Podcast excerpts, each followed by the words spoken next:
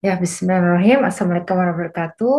Uh, saya ucapkan terima kasih kepada panitia dari IHWG yang sudah mengundang saya untuk menjadi pembicara dalam acara webinar pada hari ini dengan topik Hydration and uh, Aging. Terima kasih Dr. Dian atas uh, introduce uh, tadi uh, yang telah.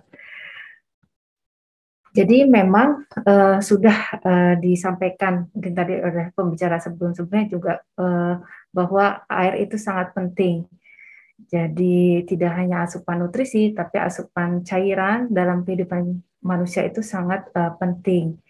Uh, hal ini tidak hanya untuk melepas dahaga saja, tetapi sebenarnya uh, berperan penting dalam metabolisme di dalam tubuh kita, uh, membantu transport substrat uh, melalui membran-membran sel, kemudian untuk homeostasis seluler, meregulasi atau mengatur suhu tubuh kita, dan juga fungsi dari sirkulasi uh, seseorang dinyatakan uh, terhidrasi dengan uh, baik itu biasanya dinyatakan bila uh, osmolitas plasmanya itu dalam kisaran yang normal yaitu sekitar 285 sampai 295 miliosmol per kilogram. Nah, tubuh kita itu mengatur uh, agar cairan tubuh total di tubuh uh, kita itu um, dalam kisaran yang normal. Demikian juga uh, osmolitas plasma di tubuh kita di dalam darah kita itu di, selalu diusahakan oleh tubuh kita dalam kondisi kisaran normal. Berapapun uh, asupan cairannya. Uh, sehingga pada individu yang mungkin asupan cairannya uh, menurun atau berkurang itu bisa saja ketika dievaluasi nampaknya terhidrasi dengan baik. Ke, akibat tubuh upaya tubuh untuk menormalkan uh, osmolitas darah dengan cara apa? Dengan cara menurunkan dari produksi urin dan juga respon-respon kompensasi yang lainnya. Nah, pada kondisi normal, apabila kita minumnya kurang, maka terjadi peningkatan natrium di ekstraseluler sehingga terjadi peningkatan juga dari osmolitas. Nah, akibat dari peningkatan tersebut, maka cairan di dalam intrasel akan keluar ke dalam ekstraseluler untuk bisa menyeimbangkan kembali kondisi osmolitasnya. Akibatnya, akibat cairan yang keluar dari sel, maka sel akan menciut. Dan selanjutnya terjadi peningkatan osmolitas di dalam sel. Nah, peningkatan osmolitas di dalam sel itu akan memicu e, merangsang dari reseptor osmol kita, tubuh kita atau osmoreseptor. Nah, osmoreseptor yang terangsang akan me membuat rasa haus pada individu tersebut. Sehingga individu tersebut akan kemudian karena merasa haus akan meningkatkan asupan minumnya. Tapi di sisi lain, osmoreseptor juga me akan merangsang pengeluaran vasopresin, hormon antidiuretik hormon yang kemudian memicu ginjal melakukan upaya konservasi dari cairan. Jadi urin volume urin akan uh, menurun. Semua hal ini adalah upaya tubuh kita untuk mengembalikan cairan uh, di dalam tubuh dalam uh, komposisi yang uh, normal. Nah, pada lansia itu uh, rangsang haus dan respon dari uh, ginjal untuk mengkonservasi air itu menurun. Uh, di sisi lain, uh, respon pengeluaran uh, vasopresin itu ternyata tidak hanya membuat konservasi dari uh, cairan di dalam tubuh, tetapi dia juga membuat kontraksi dari otot polos vaskular. Akibatnya terjadi vasokonstriksi dan bisa meningkatkan tekanan darah. Nah, itu juga vasokonstriksi terjadi pada arteriol eferen dari ginjal sehingga akan meningkatkan hiperfiltrasi dari ginjal. Selain itu juga terjadi merangsang agregasi trombosit dan juga pelepasan faktor-faktor koagulasi akibat uh, rangsangan terhadap uh, pengeluaran vasopresin ini. Jadi selain um, peningkatan dari atau rangsangan uh, reseptor osmolitas tubuh itu selain merangsang haus, mengeluarkan vasopresin dan ternyata vasopresin tidak hanya ber, uh, berdampak pada ginjal tapi juga vasokonstriksi dari uh, otot polos uh, dari pembuluh darah dan juga agregasi trombosit ini. Yang tentu bisa kemudian nantinya mengapa tadi mungkin sudah disampaikan juga oleh Dr. Diana, kenapa kok berhubungan dengan uh, non-communicable disease. Nah, proses menua sendiri tentu menyebabkan perusahaan perubahan fisiologis dari penurunan fungsi-fungsi organ dan tentunya juga penurunan di tingkat seluler. Seperti yang sudah disampaikan juga oleh Dr. Irma tadi ya, eh, khususnya di dalam perubahan eh, dari eh, kulit, sel kulit ini juga terjadi. Nah, di dalam tubuh itu total cairan tubuh juga berkurang dengan bertambahnya usia jadi dari sekitar 70% pada saat bayi baru lahir, kemudian 60% selama masa kanak-kanak, nah itu menurun menjadi hanya 50% pada lansia. Dan tadi seperti yang sudah disampaikan bahwa mekanisme untuk mengantisipasi adanya eh, kekurangan cairan itu menurun pada lansia. Sehingga yang nantinya akan berdampak pada masalah kesehatan. Hal ini bisa juga kita lihat dari prevalensi eh, kejadian dehidrasi. Itu di komunitas dikatakan bahkan hampir sampai 60 persen. Di panti rawat weda itu 31 sampai 8,8 persen. Penelitian di RSCM sendiri di IGD oleh Dr. Nina itu mendapatkan dari 105 subjek itu 44,76 persennya sebenarnya mengalami dehidrasi pada saat masuk ke IGD. Jadi prevalensi uh, uh, dehidrasi pada lansia ini cukup tinggi dan perlu kita waspadai. Sebenarnya berapa sih asupan uh, cairan yang dianggap adekuat? Nah ini tidak ada gold standard ya, beda beda lembaga, beda negara itu merekomendasikan hal yang berbeda. Ini juga sudah disampaikan oleh Dr. Irma juga. Jadi rekomendasikan untuk kalau untuk di European Food Safety Authority atau EFSA itu untuk laki-laki dewasa dua setengah liter dan perempuan 2 liter. Tapi ini untuk di Amerika itu beda lagi ya. Ini untuk laki-laki bahkan sampai 3,7 liter dan perempuan 2,7 eh, liter. Dan ternyata untuk eh, lansia dan dibandingkan dewasa kebutuhannya sama. Nah, dari jumlah asupan yang kita uh, dap, jadi dari asupan cairan yang kita dapatkan sehari-hari itu diharapkan 80 persennya dari air, uh, air minum. Jadi kalau misalkan tadi kebutuhannya ada sekitar 2.500 sampai 2.000, berarti yang diharapkan dari uh, minum itu sekitar 1,6 liter untuk perempuan dan 2 liter untuk laki-laki. Ini tapi adalah untuk di uh, Eropa. Kalau di Indonesia sendiri sebenarnya berdasarkan Permenkes, uh, uh, Indonesia juga sudah me mengeluarkan berapa sih sebenarnya kecukupan cairan yang dianjurkan baik untuk laki-laki maupun perempuan. Ya, mungkin untuk sekitar umur 50 sampai 64 tahun itu laki-laki dua setengah liter, sedangkan uh, perempuan 2350. Nah, ini semakin bertambah usia, umur 65 sampai 80 tahun semakin berkurang ya. Yang disarankan eh, laki-laki 1800, perempuan 1550. Tapi ini kan secara umum ya, anjuran secara umum. Kalau untuk pasien biasanya uh, kecukupannya itu di uh, biasanya kita uh, 30 cc per kilogram berat badan uh, per hari. Nah, sebenarnya bagaimana sih asupan cairan di negara kita? Berdasarkan penelitian ya tahun 2016, uh, ternyata uh, sekitar 72 persen dari dewasa itu uh, kecukup, cukup ya uh, untuk minumnya, kebutuhan cairannya. Namun ternyata sudah terdapat 4% yang eh, kurang dari 50% adequate intake. Dan kalau dari segi apa sih yang dipilih sebagai uh, asupan cairan, ternyata syukurnya ya masih 80% itu untuk dewasa uh, dalam bentuk air putih. Uh, walaupun demikian kita perlu waspada bahwa sekitar 8% itu sudah uh, apa banyak yang menggunakan uh, minuman dengan yang bermanis. Sayangnya belum ada data untuk lansia, jadi ini masih yang uh, dewasa.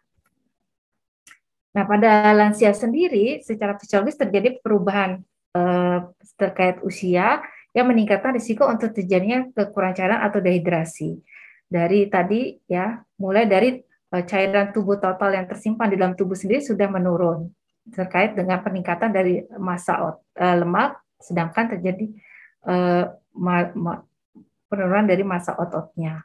Kemudian juga tadi sudah saya sampaikan bahwa terjadi penurunan dari uh, rasa haus Jadi walaupun sebenarnya tubuh sudah kekurangan cairan, tapi tidak merasa haus. Nah ini yang tentu akan meningkatkan risiko untuk terjadi dehidrasi. Selain itu juga terdapat peningkatan misalkan sekresi dari material natriuretic peptide. Selain itu juga seiring bertambah usia akan terjadi penurunan dari fungsi ginjal dalam uh, beradaptasi terhadap kehilangan air dan juga natrium. Terjadi penurunan dari uh, respon sekresi uh, sistem renal RA sistem ya, renal angiotensin aldosteron. Nah, selain perubahan dari fisiologis, tentu juga ada problem patologisnya terkait dengan asupan cairan, misalkan ada penyakit-penyakit tertentu, misalkan ada gangguan kognitif, ada demensia, pasien menjadi lupa untuk minum, atau bahkan kalau yang berat itu bahkan mungkin lupa apa yang dimaksud dengan minum. Mungkin juga otaknya sudah tidak bisa memerintahkan lagi untuk minum. Selain itu juga banyak kasus terjadi inkonsia urin. Nah ini kemudian pasien menjadi takut untuk banyak minum karena takut nanti ngompol. Kondisi malnutrisi juga sering kita jumpai juga pada lansia. Nah itu asupan makronutrien mikronutrien saja kurang, mungkin juga disertai dengan asupan cairan. Selain itu juga eh, banyak eh, lansia yang mengalami problem dalam mobilitas. Karena ada gangguan dalam mobilitas tentu kemampuan untuk mengakses minum itu juga akan berkurang. Selain itu juga mungkin ada pas kondisi stroke yang kemudian ada sequelae berupa gangguan fungsi atau disfagia yang tentu akan menurunkan asupan cairannya. Selain itu juga pada pasien-pasien lansia sering kali membutuhkan sebenarnya membutuhkan bantuan orang lain untuk melakukan aktivitas hidup sehari-hari. Nah ini kalau misalkan tidak ada dukungan dari pelaku rawat, tentu juga uh, bisa menurunkan asupan cairannya. Di sisi lain juga uh, bisa terjadi kehilangan cairan. Uh, misalkan akibat diare, muntah, kemudian demam, atau penyakit yang sering dialami juga oleh lansia, misalnya diabetes mellitus yang tidak terkontrol, hiperglikemi sehingga terjadi poliuria. Kemudian kondisi lingkungan yang uh, dengan suhu yang ekstrim, tinggi, ataupun efek samping akibat pemakaian laksatif atau diuretik yang berlebihan. Ini semua bisa semakin meningkatkan risiko untuk terjadinya dehidrasi pada uh, lansia. Apa sih sebenarnya dampak dari dehidrasi tersebut? Ya banyak ya ternyata tidak hanya sekedar mungkin uh, apa shock hipovolemi saja, tapi mulai dari konstipasi ini evidensinya juga uh, kuat ya. Kemudian ada gangguan uh, atensi, gangguan kognitif akibat uh, dehidrasi, termasuk perubahan kesadaran delirium, kemudian bisa menyebabkan jatuh, eh, dan kondisi-kondisi lain seperti hipertermia, kemudian juga uh, infeksi saluran kemih, ya, kemudian selostomia menjadi uh, kering ya mulutnya. Nah, pada kasus dehidrasi yang berat itu tentu merupakan suatu kondisi gawat darurat yang perlu dibawa ke IGD segera. Eh, karena butuh rehidrasi secara cepat untuk mencegah shock hipoklimik yang bisa berakibat fatal. Dan ternyata 7% dari pasien yang masuk ke rumah sakit dengan diagnosis utama dehidrasi itu mengalami kematian dalam waktu 30 hari. Jadi dampaknya itu mulai dari yang ringan mungkin hanya sekedar konstipasi sampai yang fatal berupa kematian. Oleh karena itu juga uh, ESPEN dalam guideline-nya termasuk yang guideline terbaru tahun 2022 itu uh, me menganjurkan untuk melakukan uh, penapisan atau screening ada tidaknya dehidrasi akibat asupan cairan yang kurang pada semua lansia. Nah, kita mengkombinasikan tentu uh, dari anamnesis apakah bagaimana asupan cairan uh, pasien. Kemudian secara objektif bisa kemudian kita evaluasi apakah memang osmolitas darahnya itu meningkat. Eh, bisa secara memang kita meriksa langsung osmolitasnya atau dengan perhitungan dengan mengetahui data dari kadar natrium, kalium serum, kemudian glukosa darah dan juga ureum. Uh, kalau misalkan hal-hal apa ya tanda dan gejala lain yang terkait dengan dehidrasi kan biasanya mungkin uh, adanya mulut kering, turgor kulit yang turun, kemudian juga mungkin warna urin menjadi pekat atau BJ urin menjadi meningkat, itu sering kali uh, uh, sebenarnya sulit diinterpretasikan kasusnya pada uh, lansia. Kenapa? Karena mungkin sudah disampaikan oleh dokter Irma juga, semakin bertambah usia maka kulitnya juga udah uh, ini ya keriput gitu sehingga diperiksa turgor kulitnya juga ya semuanya keriput ya jadi turgornya kesannya turun oleh karena itu memang uh, dianjurkan kalau kita misalnya turgor kulit uh, pasien untuk melihat uh, apakah ada penurunan atau tidak itu biasanya kan kita meriksa di uh, kulit abdomen pada dewasa. Tapi kalau misalnya pada lansia, kita menunjukkannya justru di daerah uh, forehead, ya di dahi atau di atas sternum. Uh, untuk mulut yang kering juga kan juga tidak selalu akibat dehidrasi. Bisa saja memang ada lansia-lansia yang cenderung mulutnya terbuka, nafasnya lewat mulut, misalkan seperti itu, ya tentu akan menyebabkan kekeringan di, di, di uh, mulutnya. Demikian juga tidak dianjurkan untuk pemeriksaan status dehidrasi dengan menggunakan bioelectrical impedance analysis atau alat BIA. Nah, ini uh, skema atau tabel yang memaparkan uh, tanda dan gejala dari kehilangan air saja atau kehilangan air dan uh, natrium. Ya. Kemudian sebenarnya memang kehilangan cairan itu apakah hanya uh, kehilangan cairan intraselular atau ekstraseluler. Jadi nanti akan saya lebih jelaskan lebih lanjut ya. Ya ini tanda dan gejalanya bisa misalkan memang tadi ya delirium, kemudian apa apa lidah yang kering, tapi tadi interpretasinya masih hati-hati, jadi harus dikombinasikan dengan data yang lain seperti bagaimana memang sebenarnya asupan pasien. Apakah kemudian juga ada loss, misalkan dari diare, muntah dan sebagainya. Eh, mungkin ada peningkatan kreatinin, peningkatan natrium, eh, dan sebagainya. Nah, bagaimana sebenarnya kita melakukan pencegahan dari low intake dehydration ini? Jadi dehidrasi akibat asupan yang kurang. Jadi eh, karena tadi ya terjadi peningkatan risiko dehidrasi pada lansia, maka kita harus melakukan penapisan ada tidaknya kekurangan cairan ini pada setiap lansia. Dengan kemudian kita mencegahnya bagaimana? Ya kita memang menawarkan untuk minum dalam jumlah yang adekuat sesuai dengan uh, preferensi dari lansia tersebut. Jadi dengan kita melakukan uh, upaya yang sederhana, tapi sebenarnya efektif dengan menawarkan uh, asupan cairan secara berkala kepada lansianya. Itu kita berharap bisa melakukan pencegahan dari dehidrasi ini. Karena jika sudah terjadi dehidrasi, itu adalah masalah serius dan e, tata laksananya tidak sederhana. Nah, bagaimana sebenarnya sebenarnya literasi dari kesehatan hidrasi ini pada lansia? Ini adalah penelitian pada tahun 2017 pemerintah Mortal Lintang terhadap 170 lansia di komunitas. Ternyata eh, literasi tentang hidrasi ini rendah ya. Kita bisa lihat di sini 9% melaporkan bahwa minumnya hanya kurang dari tiga gelas dalam satu hari. 60% subjek itu tidak tahu bahwa demam itu bisa menyebabkan dehidrasi.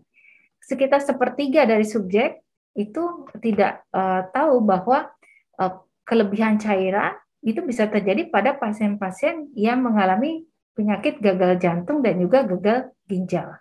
Bahkan hampir seluruh responden itu tidak uh, menyadari bahwa uh, asupan cairan yang berkurang atau dehidrasi itu bisa ditandai dengan terjadinya delirium ya perubahan kesadaran bahkan kejang atau bahkan kematian bisa timbul akibat kekurangan cairan.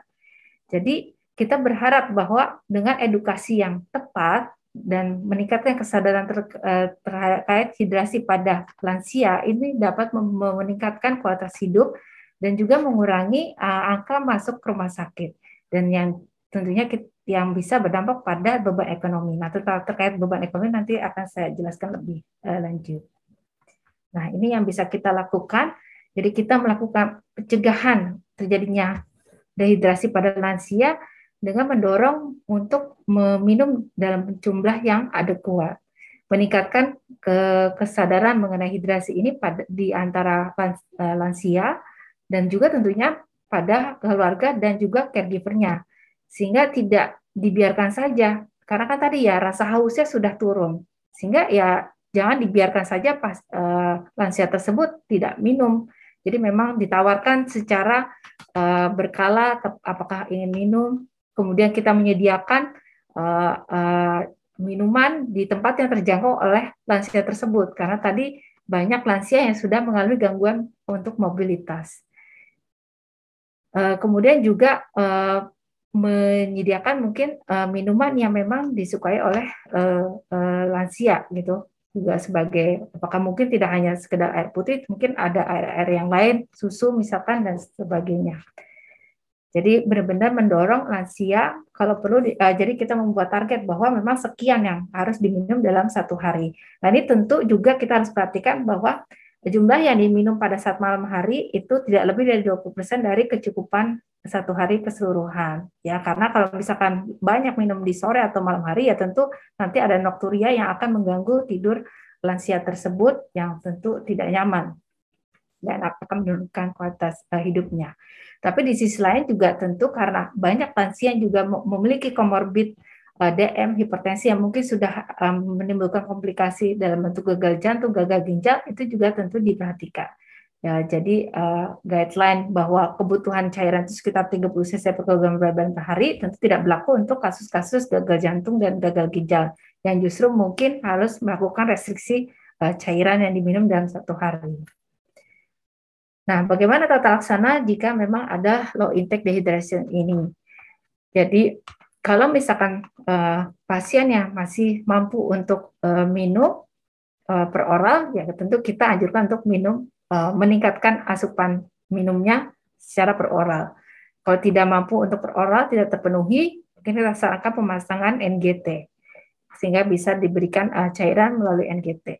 Kalau juga tidak memungkinkan, maka uh, atau mungkin menolak untuk pemasangan NGT, ya mungkin parsial ya. Jadi ada yang peroral, kemudian secara bersamaan juga diberikan uh, terapi cairan melalui infusan. Atau kalau misalnya memang tidak mampu ya uh, pasien tidak mampu lagi untuk uh, minum, mungkin memang full atau dan butuh tata laksana secara cepat, maka terapinya uh, melalui uh, intravena. Nah, selain uh, kekurangan uh, dehidrasi akibat kekurangan asupan cairan, bisa juga terjadinya kekurangan cairan itu akibat memang pengeluaran cairan yang berlebihan atau volume volume depletion. Bisa karena akibat perdarahan ya, atau mungkin memang karena ada diare ataupun muntah-muntah. Nah, ini kalau misalnya perdarahan bisa uh, bisa menimbulkan uh, perubahan dari nadi uh, pada saat berbaring dan duduk yang signifikan. Di sini disebutkan bahwa bisa terjadi perubahan bahkan sampai lebih dari 30 detik per menit itu ya dari nadi dari berbaring posisi berbaring dibandingkan dengan pada saat posisi berdiri. Nah, untuk uh, diare ataupun uh, muntah-muntah ini, ya tentu kita perlu mengoreksinya. Uh, kalau misalkan tadi bisa tercukupi dengan hanya men, um, rehidrasi per oral, mungkin bisa per oral, tapi kalau tidak ya, kalau misalkan memang berlebihan sekali ya, ini tentu harus secara intravena. Nah, jadi uh, pilihan dari metode rehidrasinya tentu terkait dari ke, derajat berat dehidrasinya dan tipe dari dehidrasinya karena bisa saja sebenarnya dehidrasi yang true itu sebenarnya yang hipertonik ya yang dengan hipernatremi terjadi dehidrasi tingkat seluler juga. Uh, tapi bisa juga uh, dehidrasi kekurangan cairan tapi dia ternyata isotonik ataupun uh, hipotonik. Kemudian bagaimana kondisi klinisnya? Apakah memang mampu untuk pemberian terapi secara oral NGT atau memang harus dengan uh, uh, intravena dan juga ketersediaan di fasilitas uh, terkait. Utamanya sih kalau memang masih bisa per oral, ya kita usahakan per oral. Nah ini yang seperti saya sampaikan bahwa izin, dampak izin, kesehatan, ya, ya waktunya dua menit lagi. Ya, Terima kasih. Dehidrasi itu juga tidak hanya beban kesehatan, tetapi ini berdasarkan review juga beban ekonomi. Jadi biaya kesehatan terhadap dehidrasi ternyata cukup tinggi karena terkait dehidrasi ini terkait dengan mungkin penggunaan dari ICU, kemudian mortalitas di rumah sakit yang juga uh, masuk rumah sakit kembali. Sehingga dengan kita menata laksana atau mencegah dehidrasi ini menjadi target potensi untuk melakukan intervensi. Ini kita lihat ya, jadi memang kosnya itu bisa akibat uh, lama rawat yang memanjang, masuk ICU, ya ternyata satu dari sepuluh diagnosis yang sering untuk dirawat di rumah sakit pada lansia itu ternyata dehidrasi dan ini menimbulkan reimbursement bahkan sampai ratusan miliar dolar per tahunnya. Nah, ini juga satu dari lima kondisi yang dengan expense uh, cost-nya itu tinggi. Jadi apa yang bisa kita rangkum dari uh, paparan hari ini bahwa proses menua itu terjadi perubahan yang meningkatkan risiko terjadi dehidrasi pada lansia.